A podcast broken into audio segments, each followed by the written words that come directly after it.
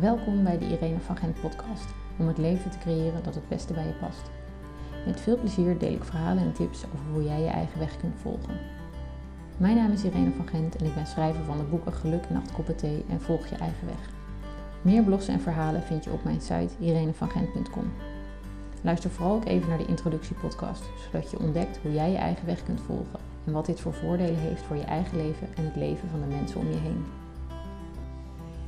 Ik uh, zit hier vandaag met uh, Kim Bakker, eigenares van twee yogastudio's in, uh, in Utrecht en omgeving, of eigenlijk Leidse Rijn en Vleuten tegenwoordig. Um, Kim, superleuk dat je, er, dat je er bent. We gaan het hebben over jouw eigen weg vandaag. En ja, de eerste vraag natuurlijk, wat is jouw eigen weg? Ja, nou leuk dat ik hier mag zijn. Um, ja, wat is eigenlijk een weg? dat, dat klinkt als uh, ergens vandaan komen en ergens naartoe gaan. Uh, dat associeer ik met een weg.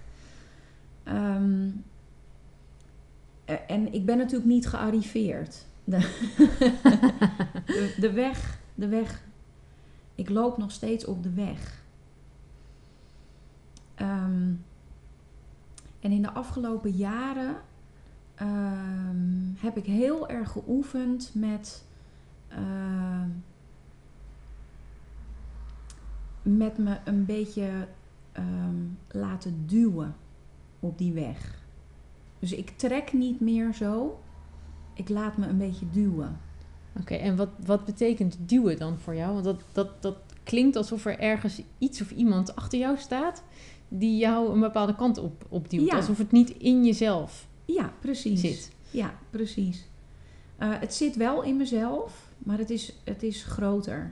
Mm -hmm. Dus uh, ik ben ervan overtuigd dat er een kracht is uh, die zowel verbonden is in ons, maar ook buiten ons. Dus iets universeels of iets um, oneindigs, wat door ons heen gaat. Wat er ook voor zorgt dat als je je daar dus aan overgeeft, dat je, je kunt het ook, in plaats van duwen, kun je het ook noemen met de stroom meegaan. Dus mm-hmm. alsof je met een bootje in een rivier uh, gaat zitten. En de rivier gaat gewoon een weg. En je kunt, je kunt je dan vasthouden aan een tak, maar daar krijg je spierpijn van. Die, want die rivier gaat wel door. Terwijl als je dat bootje loslaat en je gaat kijken waar, dat, waar, waar die rivier dat bootje allemaal naartoe brengt, er is dus een stuwende kracht. Dat is misschien het mooie woord. Het is geen duwen, het is stuwen. Mm -hmm. En, en ik, ik probeer het bootje los te laten. Oké, okay, en dat klinkt heel spannend. Want alsof je de controle loslaat en, uh, ja. uh, en het overgeeft aan dit is de bedoeling. Ja, ja. dat is ook spannend. En, en ik hou wel van de uitdaging. Ja. En hoe, hoe, werkt zich dat in de, in de praktijk? Uh, uh, of hoe laat zich dat in de praktijk zien? Um, nou, als ik echt um, heel dicht bij mezelf blijf, als het gaat over keuzes maken, um, dan doe ik het al. Ik kan mij ineens herinneren dat toen ik nog maar net bij G-Star werkte, uh, ik had een fulltime baan, vijf dagen per week. Dat wilde ik eigenlijk niet, maar het kon niet anders. Dus ik dacht, nou, ik, ik, ik begin er maar aan. Hè. Ik kan er altijd weer mee stoppen. Mm -hmm. En toen raakte ik vrij snel zwanger. En daar kwam een hele duidelijke wens uit voort dat ik niet meer fulltime wilde werken. Um, en mijn man zei toen: Nou, als ik jou was, zou ik ook geen vier dagen gaan werken. Want dan ga je gewoon vijf dagen werk in vier dagen moeten doen. En dan word je ook maar vier dagen betaald. Dus je moet een duidelijkere keuze maken. En dat voelde ook als mijn wens. Dat ik dacht, als ik straks kinderen krijg, dan wil ik er ook voor ze kunnen zijn. Dan wil ik er ook bij kunnen zijn. Dan wil ik ook kunnen voelen hoe het is om moeder te zijn. Dus drie dagen paste goed bij mij. En ik wist dat het een spannend voorstel was bij G-Star. Maar ik heb het gewoon gezegd: ik wil drie dagen werken. En wat was het antwoord? Ja, in die functie die je nu hebt, uh, kan dat eigenlijk niet. Maar we hebben wel een andere functie voor je. dat is. Kijk, dan kan ik weer aan een tak vast gaan pakken en zeggen: nee, ik wil het in mijn eigen functie. Maar ik had gewoon zoiets van hartstikke leuk. Ik vind het wel leuk om wat anders te gaan doen. Dus ik heb gewoon die andere functie aangenomen. En die heb ik, eh, heb ik uitgebouwd tot een, tot een, eigenlijk een functie die ook niet in drie dagen kon. maar dat is dan misschien een beetje de aard van wie je bent. Dat het iets wordt doordat je er zo volledig in gaat en je laat stuwen, dat, dat het nooit in drie dagen kan. Iets wat je doet. Dat ja, maar daar, ben ik, daar ben ik helemaal nooit mee bezig geweest. Ik ben alleen maar bezig geweest met... ik wil van vijf naar drie dagen.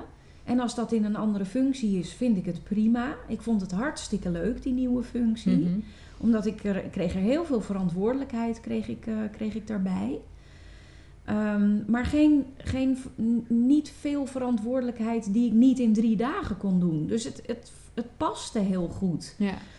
Um, maar het bedrijf groeide, dus die functie groeide ook. Dus ik moest op een gegeven moment zeggen: luister, uh, er moet iemand bij. Of ik moet weer een andere functie. dus, en dat bedoel ik met heel dicht bij jouw willen blijven. Van ik wil dat er nu iets verandert. En er dan op vertrouwen dat er dan ook iets verandert. Maar je moet dan wel bereid zijn om zelf ook te veranderen. Dus, dus niet zeggen van ik wil drie dagen werken en dat moet in deze functie. Nee, ik wil drie dagen werken en ik ben bereid om mee te bewegen in de richting uh, waarin dat is. Ja, ja. Mooi, je, hebt het, eh, je noemt een paar keer van dan heel dicht bij mezelf blijven. Hoe doe je dat? Hmm, ja.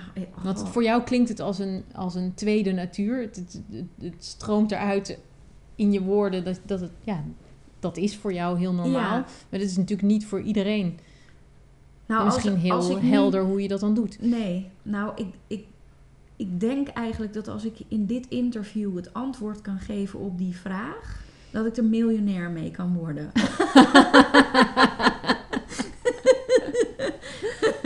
Dus ik weet niet of ik dat wel onder woorden kan brengen. Ehm, en ik wil ook niet beweren dat ik het ieder moment van de dag kan. Ehm, eh, want uh, er zijn nou eenmaal omstandigheden dat ik mezelf ook verlies. Maar door iedere dag yoga te doen, leer ik het steeds beter herkennen als ik van mezelf afbeweeg. En voel ik ook wanneer ik dicht bij mezelf ben. En dicht bij mezelf zijn, daarvoor heb je ruimte en tijd nodig. En ook ik heb dat niet. Altijd. Oké, dank voor deze toevoeging. en dus, dus eigenlijk is de uh, grootste taak ruimte en tijd creëren voor jezelf. Ja. Ja, en jij zegt dat yoga is daar een belangrijk uh, middel uh, voor jou om dat, om dat te doen. Kun je er iets over vertellen hoe je dat in je leven geïntegreerd ja. hebt? Ja, nou, dan, dan gaan we eigenlijk weer terug naar, naar mijn drukke kantoorbaan bij, bij G-Star in combinatie met twee kleine kindjes. Mm ik had een, echt een flitsende baan met in de mode, um, celebrities. Uh, fashion weeks in, in Barcelona, in Berlijn, in New York. Dus iedereen zei altijd aan de, aan de buitenkant van... Uh, wauw, jij hebt zo'n geweldige baan. Maar ik voelde dat eigenlijk niet meer zo. Mhm. Ehm, de, de baan was eigenlijk te druk geworden. Ik probeerde dus dat bootje weer in die rivier vast te houden. En um, uh, ik, dat was de tijd dat ik dus niet dicht bij mezelf was. Ik was echt een gezin en een veel te drukke baan met elkaar aan het combineren. En ik herinner me heel goed dat ik uh, een keer in New York in paniek naar een van mijn beste vriendinnen ben uh, in een taxi. In paniek heb aangebeld en zij zag meteen dat het niet goed was. En zij adviseerde mij om eens aan yoga te gaan doen. Dus toen ik thuis kwam, heb ik dat meteen gedaan. Ik had me ingeschreven voor een beginnerscursus, want ik had nog nooit yoga gedaan. En uh, ik herinner me ook nog heel goed dat na de eerste les, dat een docent naar mij toe kwam en die zei: Nou, ik weet niet of ik jou nog wel wat kan leren. Jij kan alles al. dus ik, ik, heb een, ik, heb, ik ben geboren in een soepel lichaam. Dus, eh, dus ik hoef niet veel moeite te doen om de uh, aanwijzingen van een yogadocent op te volgen. En ik vond het leuk. Ik vond het heel erg leuk. En niet lang daarna ben ik eigenlijk gewoon burn-out geraakt op mijn werk. En uh, heb ik de mate waarin ik yoga deed, ben ik gaan opvoeren. En de mate waarin ik aan het werk was, ben ik gaan uh, afbouwen. En toen ben ik al vrij snel een yoga-opleiding gaan doen. En zo is yoga in mijn leven gekomen. Dus, dus ook weer een breekpunt. Ja, ja dus, het, dus het, het, moment, je, je, ging aan yoga doen, toen was alles nog uh, was alles in de drukte. En op een gegeven moment kwam de burn-out en toen uh, werd yoga meer je leven eigenlijk. Ja, en eigenlijk, yoga gaat over uh, dicht bij jezelf komen. Ja. Dus misschien zeg ik dicht bij mezelf blijven, omdat dat is wat ik ervaar als ik aan yoga doe. En, en yoga is niet alleen maar op een matje. yoga kun je de hele dag doen. En dat, dat, dat vind ik natuurlijk ook. Ik bedoel, dat is, dat is mijn, uh, dat is ons gedeelde verhaal, zeg maar. over Hoe, hoe je yoga ook buiten de mat kunt, kunt leven. Um, hoe, hoe doe jij dat? Hoe, hoe, hoe ben je daarmee bezig? Is dat nog bewust voor jou? Of is dat ondertussen zo, zit dat zo in je systeem dat je, dat, dat je, dat, dat je die lessen, zeg maar, uit, het, uit de, ja, buiten de mat gewoon kunt ik, ik denk dat het een combinatie van beide is. Dus door het heel vaak te oefenen, ehm, ben je je eigenlijk de hele dag veel vaker en meer bewust van de dingen die uh, uh, voorbij komen. En dat kan boodschappen zijn. Je, weet je, je hebt de hele dag interactie met jezelf, met mensen, uh, in het verkeer, uh, gezinsleden, vrienden, telefoongesprekken. Weet je, alles gaat de hele dag over interactie. En ik heb het gevoel dat als we ons bewuster gaan zijn van de interactie die we hebben de hele dag met anderen, dat we in een hele andere wereld uh, leven. En uh, als ik yoga doe heb ik die interactie met mezelf en daarmee oefen ik de interactie met anderen. Ja, en kun, mooi, mooi. Kun je daar een, een, een voorbeeld van geven van wat er dan bijvoorbeeld gebeurt? Uh, oh. Springt me nu niet eventjes iets. Ik bedoel, eh, als we bijvoorbeeld kijken dan. Um, uh, de eerste les uit het uh, achtvoudig pad bijvoorbeeld is geweldloos leven. kun jij dat op de mat echt bewust beoefenen en dat ook zo in het dagelijks leven meenemen? Werkt het echt voor jou zo? Of, of gaat het meer over het, het, het, liefdevol handelen, wat, wat gewoon een soort van tweede natuur wordt op een gegeven moment, omdat je op een andere manier gaat communiceren met mensen? Nou, ik denk dat ik me constant bewust ben van wat. Um, van uh, hoe ga ik dat nou zeggen?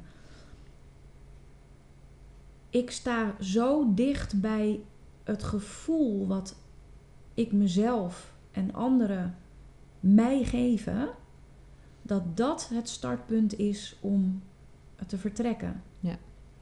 Dus als iemand geheel onbedoeld iets tegen mij zegt wat mij raakt, dan kan ik twee dingen doen. Ik kan boos worden ik kan ook denken: wacht even. Het raakt mij. Het heeft helemaal niet zoveel met die ander te maken. Mhm. Het raakt mij. Ja. Waarom raakt het mij? En hoe kan ik dan zacht naar mezelf zijn en dan zacht naar de ander blijven? Ja. Ja. Of, of bijvoorbeeld nog eens vragen van... Hé, je zegt nu dat tegen mij en eigenlijk voel ik me aangevallen... of eigenlijk voel ik me beledigd of eigenlijk voel ik me pijn gedaan. Bedoel je dat eigenlijk wel zo? Mhm. Als je zo'n wedervraag als je bereid bent om zo'n wedervraag te stellen, dan krijgt die ander ook gewoon nog een keer de kans om te zeggen: Oh nee joh, dat bedoelde ik helemaal niet zo. Of diegene zegt: Ja, inderdaad, want jij zei net dat tegen mij en dat deed mij pijn. Dus eigenlijk krijg je iets terug. Ja, ja.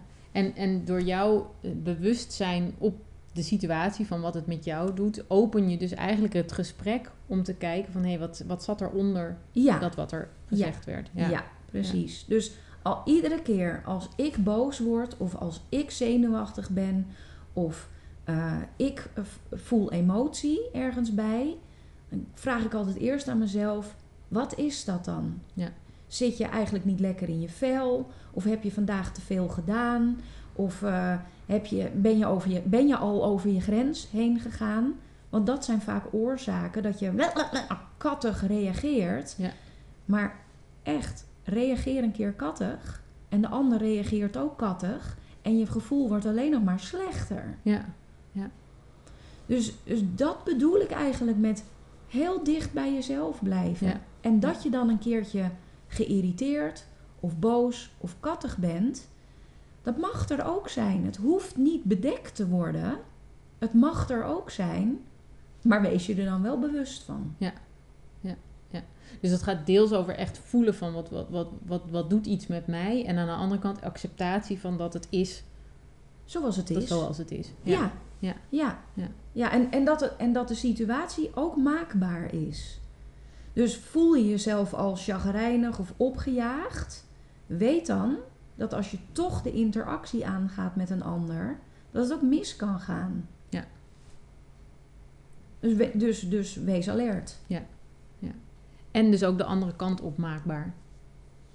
Welke dat, het ook positief, dat je het ook positief precies, kunt maken. Precies, precies. Ja. Ja. ja. ja. dus vooral... Ehm, eh, en, en dat leerproces, dat is bij mij ook nog iedere dag hoor. Want er is gewoon... Ik heb het heel erg druk. Er is veel meer te doen dan dat er tijd is om dat allemaal te doen. Voorheen zou ik de hele tijd denken: ik moet nog door, ik moet nog door.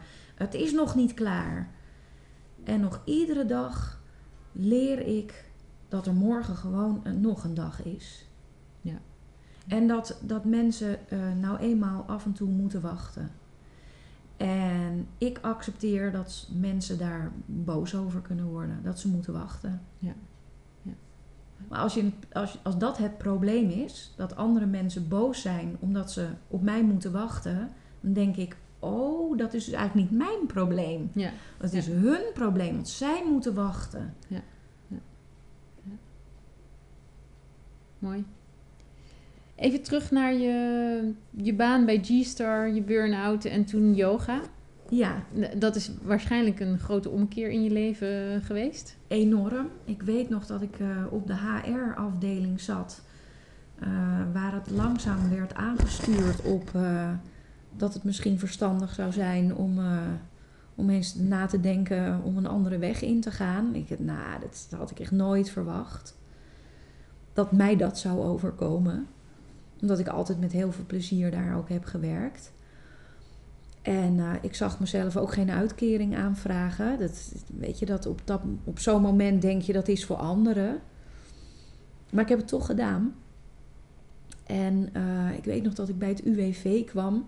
En die, uh, mijn persoonlijk begeleider, ik weet, ik weet echt niet hoe zo iemand heet.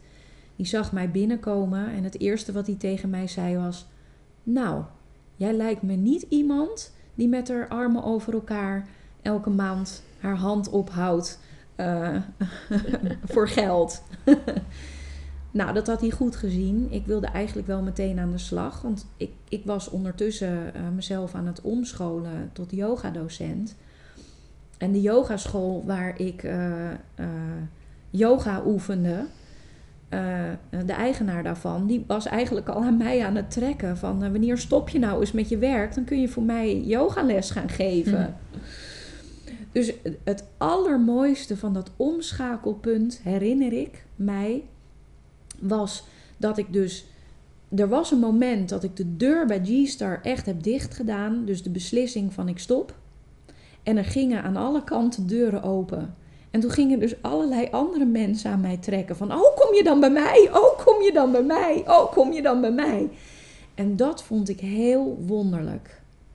En op dat moment heb ik dus eigenlijk gezegd: ik laat het bootje los. Ja. Want kennelijk is, is dit gewoon zoals het moet gaan. Het was moeilijk. Het was een moeilijke beslissing om na ruim tien jaar te stoppen. In een soort veilige baan. Maar ik wist nog helemaal niet wat de, wat de wereld daaromheen allemaal in petto had.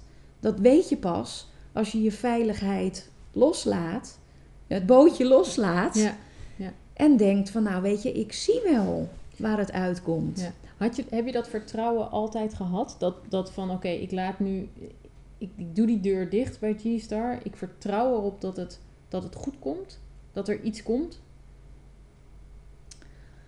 Oh, dat is. Heb ik dat altijd gehad? Ik, dat weet ik eigenlijk niet. Want als je, als je diep naar binnen kijkt, ben ik ook een control freak. Maar ik denk dat, dat als ik dat zou gaan uitkleden, dat ik op bepaalde dingen control freakerig ben en op andere dingen helemaal niet. Dus ik, er zit op een bepaald punt in mij iets dat ik denk, het maakt ook eigenlijk niet uit hoe het loopt. Ik zie Mhm. het wel. Ja. Dus ik ben op bepaalde punten heel flexibel in mezelf aanpassen aan de situatie zoals die is. En ik denk dat als ik terugdenk aan mijn schooltijd en de kunstacademietijd, dat ik altijd wel dat vertrouwen heb gehad. En weet je waar ik denk ik ook heel goed in ben? In keuzes maken. Ik ben geen twijfelaar. Ja. Ik ben geen twijfelaar.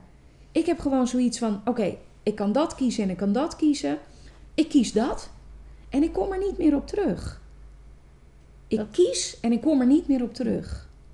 Dat is een hele, het voelt ook heel sterk als je dat zegt. Het is heel, lijkt me een fijne energie om in te leven. Ja. Juist, nou ook tegenwoordig, omdat er zoveel te kiezen is. Ja, Er is, eh, bedoel- misschien is dat wel het geheim. Ja, nou ja, nou ja, ik ben bijna van overtuigd dat dit het geheim kan zijn. Omdat, omdat ik, nou, als ik het bij mezelf in ieder geval zie, ik vind keuzes maken echt behoorlijk lastig. Dus, ehm, en als ik dan iets gekozen heb, dan denk ik, oh, is dit wel, is dit wel de bedoeling? Of, eh, en, en ik voel tegenwoordig steeds meer dat sommige dingen de bedoeling zijn. En toch vind ik het echt kiezen, vind ik soms heel moeilijk. Dus als je makkelijk keuzes maakt en dan denkt, dat dit is oké, dan, dan geeft het je ook heel veel kracht en vertrouwen om, nou, dit, dit komt goed. Ja. Want, want ik heb gekozen en Ja. nou, dit is wat het is. En je Ja. maakt die keuze voor een, eh, met een reden. En die reden weet je dan zelf misschien niet, maar dat is die stuwende kracht. Ja. Die, ja, ik denk dat het belangrijk is om, om je intuïtie ook daarin te trainen. Maar ik heb altijd gewoon intuïtief, als er twee keuzes of drie of vier of vijf keuzes zijn, intuïtief word je gewoon ergens naartoe getrokken. Ja. En natuurlijk kan je met je brein kan je nog zeggen, ja, ik kan nou wel mijn eerste keuze meteen maken, maar moet ik niet nog nadenken over die andere keuzes? Nou, mijn antwoord is nee. Nee, want je gevoel zegt, Je weet gevoel het al. he- weet het al meteen. al. Dus- ja. Waarom je brein belasten met onzinnig nadenken terwijl je het intuïtief eigenlijk al weet? Ja. Dat is wat ik doe. En dat is misschien wat ik de hele dag doe. Mooi.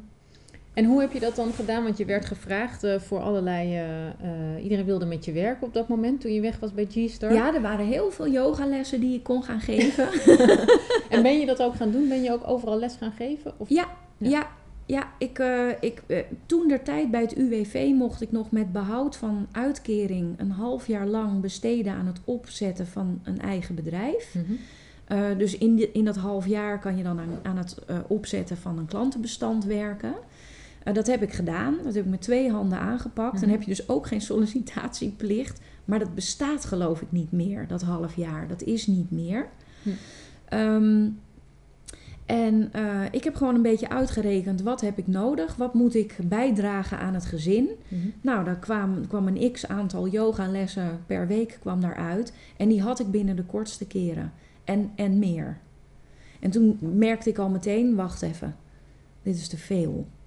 Dus toen ben ik de dingen die ik minst leuk vond, die ben ik gewoon ook weer weg gaan doen. Dat ik Mhm. dacht, nou, ik zit nu in zo'n comfortabele positie. Ik kan eigenlijk twee of drie lessen per week ook wel weer missen. Dus de minst leuke heb ik weer weggedaan. En, en zo eh, ben ik eigenlijk begonnen aan een, aan een soort nieuwe carrière als, als yogadocent.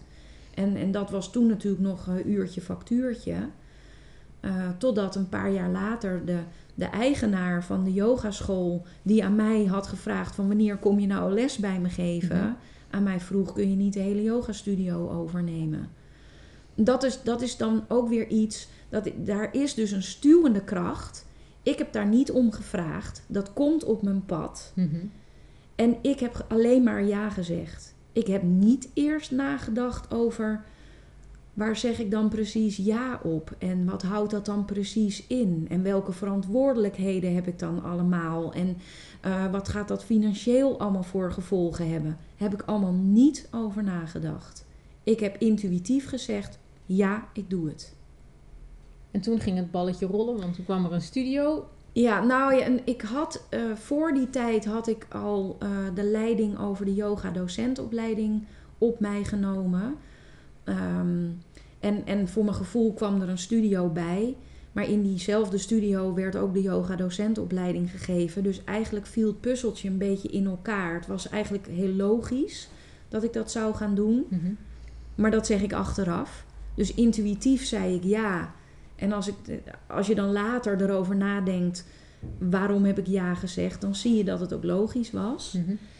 Dus ja, toen ging dat balletje rollen. En eh, ja, eh, ik doe dit nog steeds dagelijks op intuïtie. Dat ik denk, ja, niemand heeft me ooit ge- geleerd hoe dat eigenlijk moet, een yoga studio runnen. Ja. Dus dat doe ik zoals ik denk dat het goed gaat. Ja, ja. En, en het past ook bij jou. Na de ene studio kwam er nog een studio Ja, eh, ja, onlangs. ja. Eh, dus het is ook, je vertelde me ooit dat, het, dat, dat dat je ook op het lijf geschreven is, het runnen van die studio's. Ja, Dat- dat, dat, dat, eh, is. Kijk, die, die, die tweede studio, dat is ongeveer een jaar geleden dat dat echt aan de oppervlakte kwam dat ik dat wilde. Kans om uit te breiden, maar, maar eh, ik vond het ook leuk om eh, op een andere plek eh, iets nieuws neer te zetten. Mhm. En wat ik daarvan heb geleerd, is dat ik niet per se yoga-docent ben, maar dat ik ondernemer ben. Ik vind het dus heel erg leuk om ondernemer te zijn. En dat ik dat op het gebied van yoga doe, dat vind ik alleen maar een hele mooie toevoeging.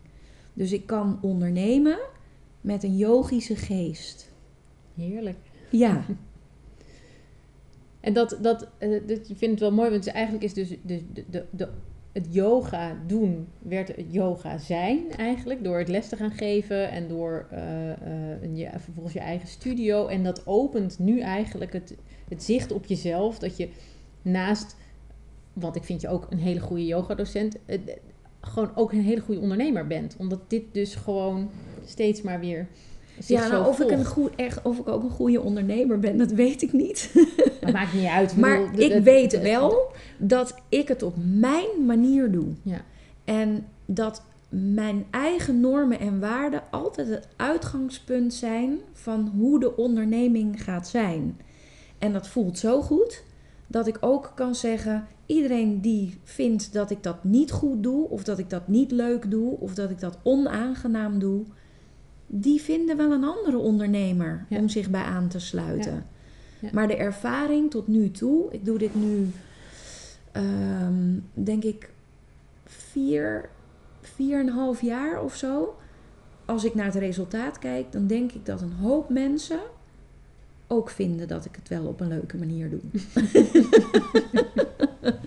Nou ja, als je kijkt naar, de, naar, de, naar veel bedrijven die in de eerste vijf jaar, of veel ondernemingen die binnen vijf jaar ehm, weer ehm, of failliet gaan of beëindigd worden of wat dan ook, eh, ja, zit je nog eh, in een positief stijgende lijn. Zit ik in een zeer positief stijgende Ja. lijn. Ja, Ja. absoluut. Ja. en ik denk dat helemaal, eh, dus buiten dat yoga mijn passie is, geloof ik ook dat eh, eh, yoga als onderneming nog alle ehm, potentie heeft om te groeien.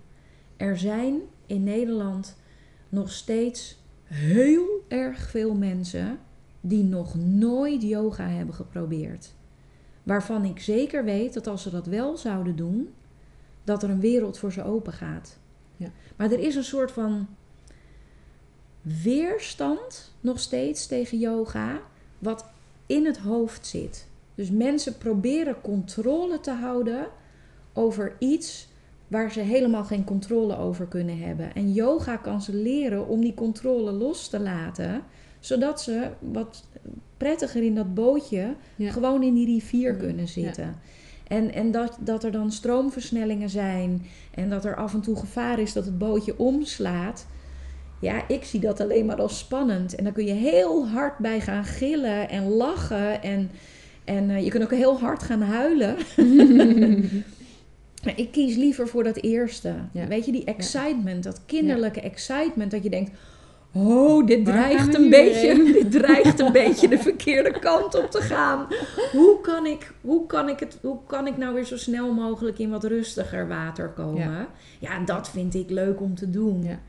En, en ik ben natuurlijk een kleine onderneming. Dus het is niet zo dat, dat er allerlei personeelsleden risico lopen. Dus ik kan ook met heel dicht bij mezelf blijven, kan ik ook uitproberen. Ja. En ik denk dat dat Ja. wel heel comfortabel is. Ja, en tegelijkertijd denk ik dat er heel veel yoga-docenten zijn die niet de, de stap maken die jij hebt gemaakt op een gegeven moment. Zeker. Omdat dat ook comfortabel is Ja. voor, voor, voor anderen. Weet je. Dat Dus is dus zeker zo. Ik heb natuurlijk allemaal eh, ZZP'ers. Eh, die heb ik niet in dienst, maar die willen graag eh, bij mij yogales geven. En voor hun is het een bewuste keuze om dat op die manier te doen. Wat ik ook wel snap. Want als ondernemer neem je ook een heel groot financieel risico. Ja. En we hadden het in het voorgesprek er natuurlijk al even over. Ik kan van tevoren al uitrekenen wat ik minimaal nodig heb aan omzet om alleen de kosten die ik voor 100% zeker iedere maand heb Ja. op te moeten brengen. En dat is heel veel geld. En dus ik snap dat, eh, dat er een hoop yoga-docenten zijn die zeggen: dat ga ik niet doen. Ja. Of dat Ja. ga ik nog niet doen.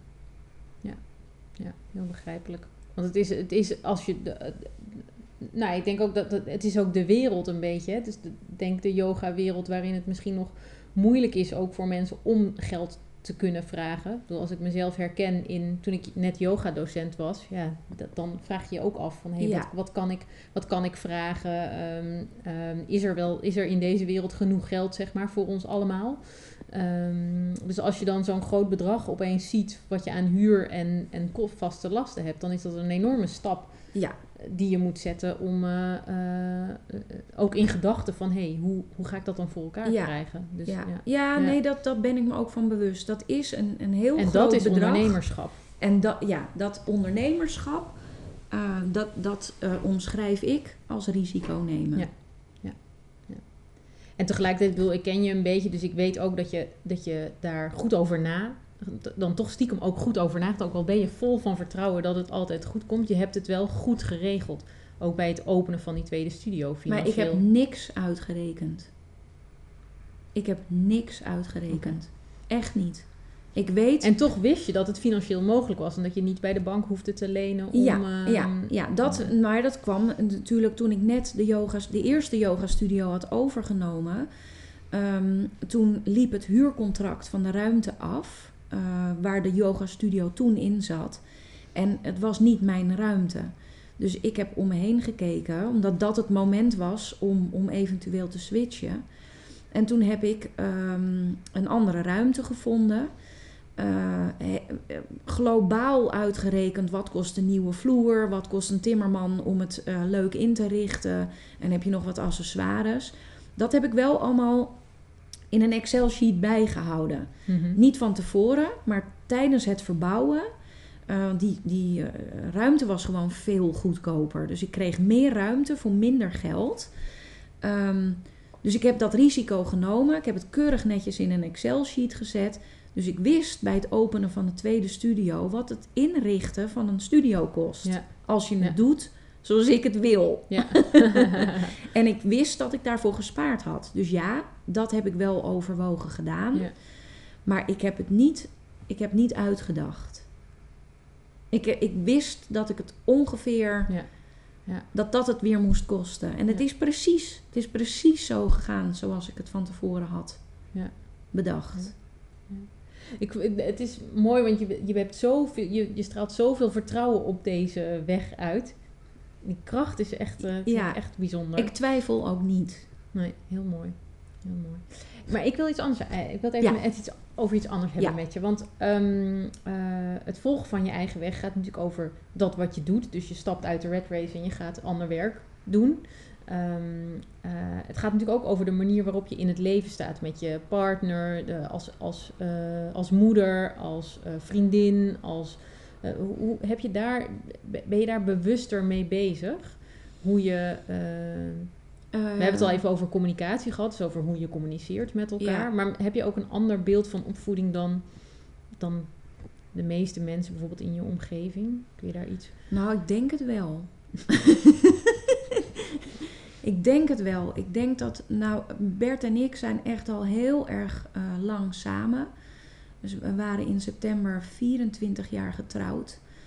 Eh, dus we kennen elkaar door en door. En we zijn echt een team met z'n tweeën. Mhm. Dus we zijn man en vrouw, maar we zijn ook echt hele goede vrienden.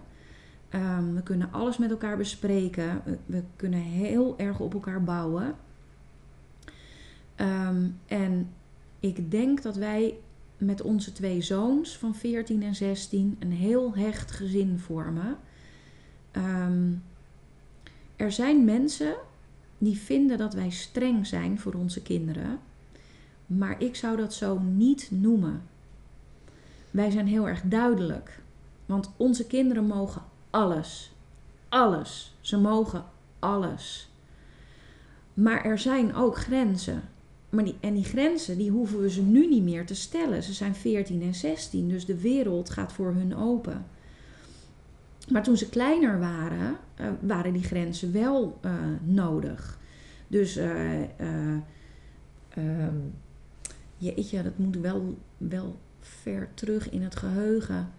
Eh, ik heb nooit regels gesteld over je mag maar een uur per dag televisie kijken. Nooit. Maar het was wel een regel dat als ik zei: Ik wil dat jullie nu iets anders gaan doen, dat ik daar geen gemodder over kreeg. Mhm. Dus dat de ruzie of het gekonkel over dit wil ik niet, maar ik wil het wel, dat st- stonden we niet toe. Dus er is heel veel vrijheid, maar als wij aangeven tot hier en niet verder, dan deden wij een beroep op hun flexibiliteit. Van oké, dan ga ik nu wat anders doen. Zo hebben we ze opgevoed. En een ander kan dat misschien streng vinden. Zo van ja, maar dan weet een kind nooit wanneer de grens is. Nee, maar dat geeft toch niet? Die grens geven we gewoon aan en niet, niet boos, maar gewoon: ik wil dat je nu wat anders gaat doen. Of ik wil dat je nu je kamer gaat opruimen. Of ik wil dat je me nu helpt met opruimen. Zonder gedoe. En, en leverde dat dan ook geen gedoe op? Nou, niet altijd natuurlijk. En toen ik nog een drukke baan had, was, kwam daar best wel wat ongeduldigheid bij kijken. En ik, ik denk dat ik in mijn tijd van, van eh, eh, mijn vaste baan ook best wel tegen mijn kinderen heb geschreeuwd. Uit ongeduld. Maar ik weet ook nog de dag dat ik naar huis ben gegaan, omdat ik wist het is helemaal mis. Ik ben overspannen of burn-out. Toen kwam ik thuis. Toen waren ze denk ik een jaar of eh, zes en acht of zo. Toen heb ik tegen ze gezegd: Vanaf vandaag schreeuw ik nooit meer tegen jullie. En dat heb ik tot op de dag van vandaag ook nooit gedaan. Dus als mij iets irriteert, dan zeg ik dat. Zo, Mhm. zoals ik dat nu tegen jou zeg. Van jongens, ik vind dat jullie te veel lawaai maken. Ik kan er nu niet tegen. Wil je ermee ophouden? Maar het zijn jongens, dus dat doen ze niet meteen in één keer. Dus dan vraag ik ook nog een tweede keer van... Ik heb net gevraagd of jullie ermee op willen houden. Ga dat dan anders even buiten doen. Of boven op je kamer. Mhm. En als het dan nog niet gebeurt, dan zei ik van nu ben ik het zat. Ik ga weg. En dan wisten ze het is menens. Ja. Dus eh, ik, ik hoef niet meer te schreeuwen. Ze weten het. We hebben gewoon een hele open relatie met elkaar. Mhm. Waarin ik gewoon eye to eye kan zeggen: Kijk even naar mij. Ik heb het druk. Help me. Ja. Dus, en dat geeft hun eigenlijk een heel volwassen plek in de maatschappij en in het gezin. Ja. Met verantwoordelijkheid. Ehm, ja, gewoon hun eigen plek in het gezin. Ja. Dus ik denk wel dat ik daar heel bewust mee omga. Ik ben heel bewust bezig met het moederschap. En, en buiten dat doe ik ook maar wat. Zoals alle andere ouders. Ja. En denk ik ook wel eens van, oh, moeten we hier niet iets van vinden? Nou, dan is vaak het antwoord nee hoor, daar hoeven we niks van te vinden. Laat het maar gewoon. Ja, ja.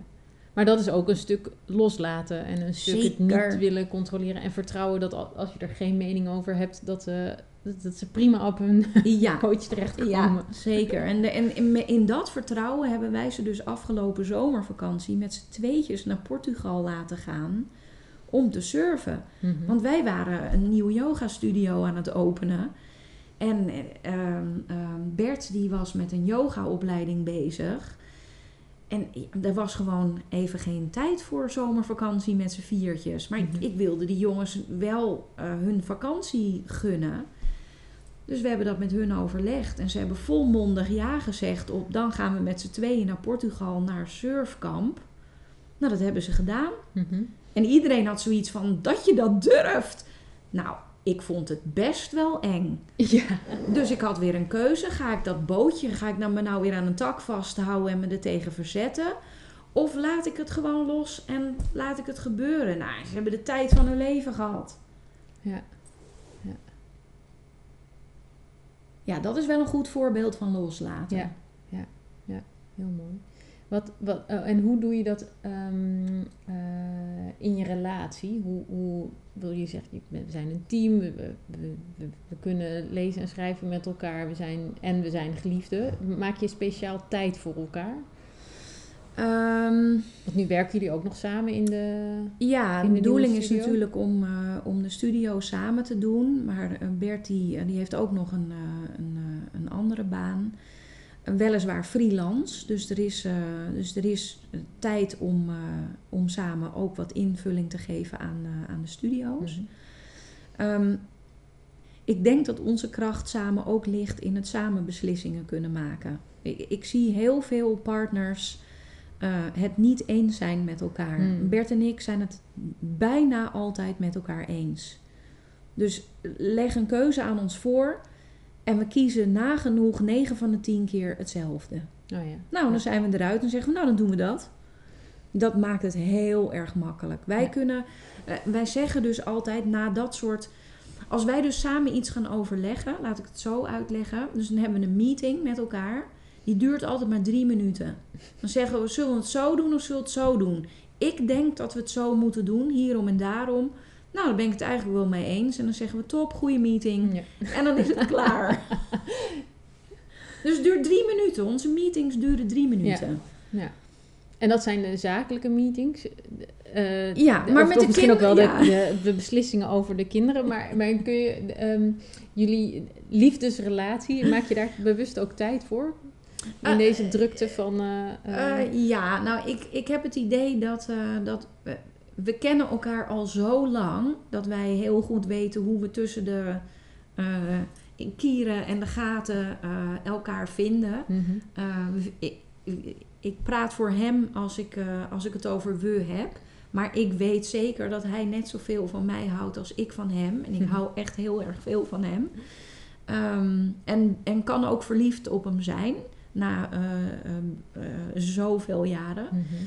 Ehm, m- maar we zouden wel wat meer tijd voor elkaar moeten vrijmaken. En dat is in de afgelopen jaren er een beetje bij ingeschoten. En ik weet ook waardoor dat komt. Als de kinderen klein zijn, dan kun je een oppas regelen. En dan ga je eens een avondje weg met elkaar. Mhm. Maar nu zijn de kinderen zo groot dat we eigenlijk alles met z'n vieren doen.